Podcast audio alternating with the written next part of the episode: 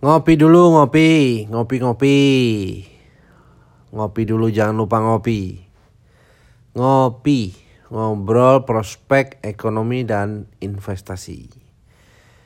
Kembali lagi bersama saya Lucky Bayu Purnomo atau LBP dalam channel saya Ngopi. Nah, bicara mengenai robot trading, Kali ini kita akan bahas dua topik utama antara lain adalah apakah robot trading cocok digunakan bagi pemula atau basic ataukah robot trading layak digunakan atau cocok digunakan untuk para ekspertis atau mereka yang sudah ahli. Nah, untuk itu saya akan menjawab pertanyaan pertama. Nah, pertanyaan pertama adalah cocok nggak sih robot itu untuk para pemula? Artinya robot trading. Nah, saya memiliki pandangan bahwa pemula sebaiknya menggunakan transaksi normal, tidak menggunakan eh, robot terlebih dahulu karena uh, apabila terjadi situasi dan kondisi abnormal terhadap kinerja pasar, Nah, robot tersebut apakah nanti dapat sesuai dengan batas toleransi uh, para pemula tersebut? Dalam arti kata, misalkan robot tersebut digunakan untuk instrumen-instrumen yang tidak difahami secara utuh oleh para pemula. Sebut saja kita bahas dua persoalan robot trading yang digunakan untuk membeli saham, robot trading yang digunakan untuk membeli instrumen berjangka, contohnya harga minyak dunia. Nah, tentu sifat instrumen tersebut berbeda-beda karena eh, saham apabila naik selama kita tidak jual, maka kita ada dalam posisi untuk mengambil keuntungan apabila kita mau melakukan eksekusi atau likuidasi terhadap kenaikan harga tersebut. Nah, sementara apabila saham tersebut mengalami penurunan selama kita tidak uh, eksekusi untuk jual rugi, ya maka uh, saham tersebut tidak dalam kondisi uh, kerugian dan kita dalam kondisi floating loss gitu. Nah, kalau menggunakan robot sebut saja satu. Uh, pasar sedang mengalami uptrend atau kenaikan. Boleh jadi robot tersebut uh, memiliki performance yang baik karena memang pasar sedang mengalami kenaikan. Nah, berikutnya.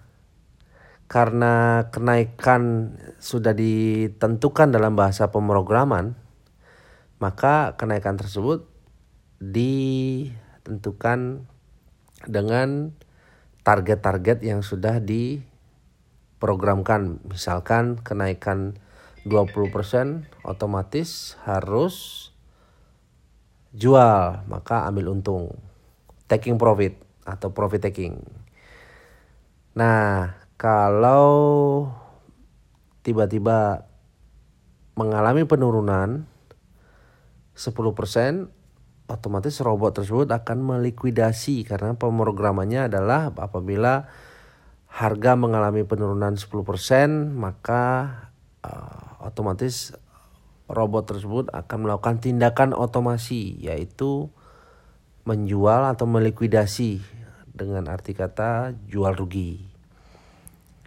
Nah, bayangkan kalau seandainya pasar yang tadinya uptrend tiba-tiba mengalami penurunan mengalami koreksi secara berulang kali. Artinya uh, cut loss atau jual rugi tersebut akan terjadi berulang kali.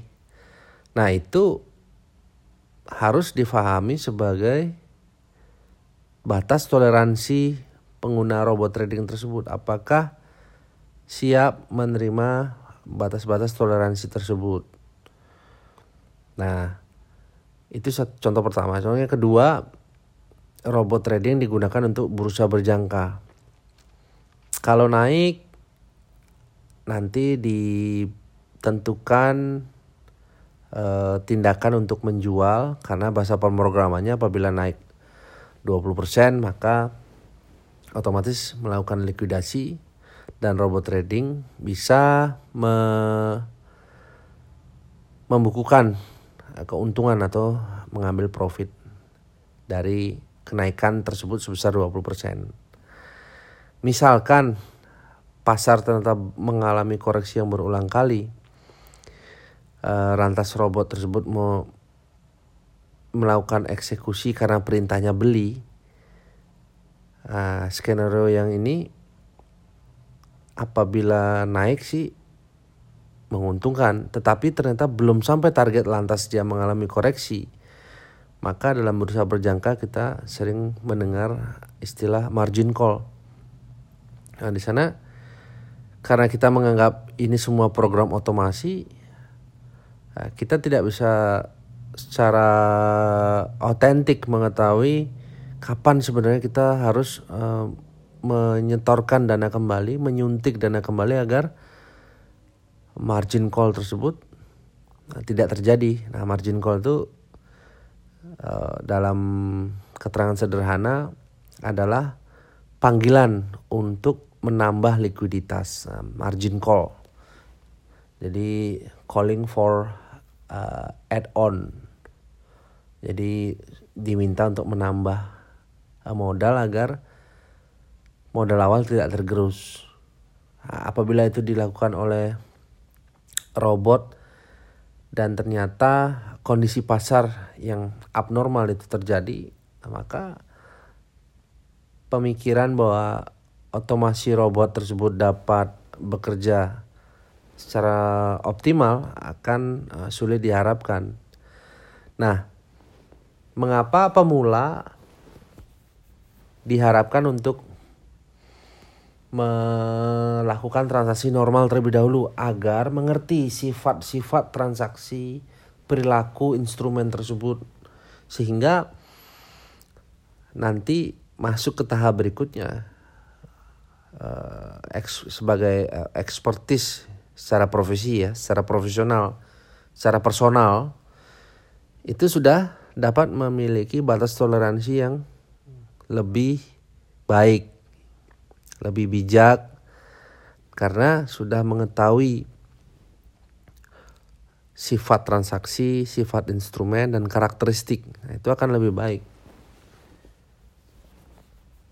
Nah, sebut saja robot robot trading diinstal ketika pasar bullish. Potensi robot tersebut untuk menghasilkan profit akan lebih optimal dibandingkan kondisi uh, pemrograman yang tidak sesuai dengan situasi pasar. Sebut saja volatilitasnya sempit atau kecil. Nah, bagaimana robot tersebut mau menghasilkan atau dapat menghasilkan spread atau selisih karena ditargetkan harus mengambil untung 20% tapi selama hampir beberapa waktu robot tersebut hanya menguat 4%, 3%, 7% dan belum menyentuh angka 20% maka uh, hasil transaksi tersebut tidak optimal. Nah, karena sekali lagi penentuan dari pemrograman itu selera uh, programmer yang membuat uh, robot trading tersebut. Apakah mental kita sama dengan mental robot itu belum tentu karena kita memiliki dimensi pemikiran yang berbeda sebutlah masih menjadi pemula. Nah, untuk itu robot trading tidak disarankan pada kali pertama untuk pemula. Lantas untuk expert bagaimana? Untuk expert itu akan lebih baik. Mengapa? Karena robot trading bagi expert bisa menjadi salah satu fasilitas atau perangkat atau uh, pelengkap yang dapat digunakan untuk tujuan hedging atau lindung nilai. Nah, contohnya bagaimana? Sebut saja pasar sedang mengalami uptrend, maka robot trading tersebut diminta untuk eh, melakukan perintah beli. Nah, karena expert di sisi lain secara bersamaan pada satu waktu yang sama kita juga melakukan transaksi jual atau short sell. Nah, sehingga di sana kita bisa mendapatkan dua manfaat dari dua situasi atau peristiwa yang berbeda. Sebut saja membeli harga emas dengan target 20%. Dan pada saat yang bersamaan juga menjual emas dengan konsep short selling pada instrumen berjangka dengan target penurunan 20%. Artinya naik 20% nanti taking profit, turun 20% nanti taking profit. Nah, itu kurang lebih uh, dua pengertian mengenai Apakah robot trading cocok untuk pemula? Apakah robot trading cocok untuk expertise atau mereka yang sudah masuk dalam kategori expert? Untuk itu kita perlu uh, menilai robot trading tersebut cocok atau tidak dengan karakteristik kita dan tujuan transaksi. Ya, jadi sekali lagi sebaiknya dalam menyikapi satu peristiwa atau situasi kita tidak diharapkan untuk berpikir untungnya dulu gitu. Nah, bagaimana kita berpikir dapat mengatasi resiko apabila hal buruk itu terjadi. Jadi jangan dipikir oh nanti profit nih. Iya kalau profit. Kalau enggak gimana? Nanti pikirannya sudah berbeda. Misalkan saya pasti profit menggunakan robot trading. Nanti ketika loss, aduh untung ruginya nggak banyak. Nah, itu jadi tidak tidak utuh sikap untuk melakukan transaksi karena tidak mengerti atau tidak memahami secara komplit bagaimana karakteristik instrumen tersebut.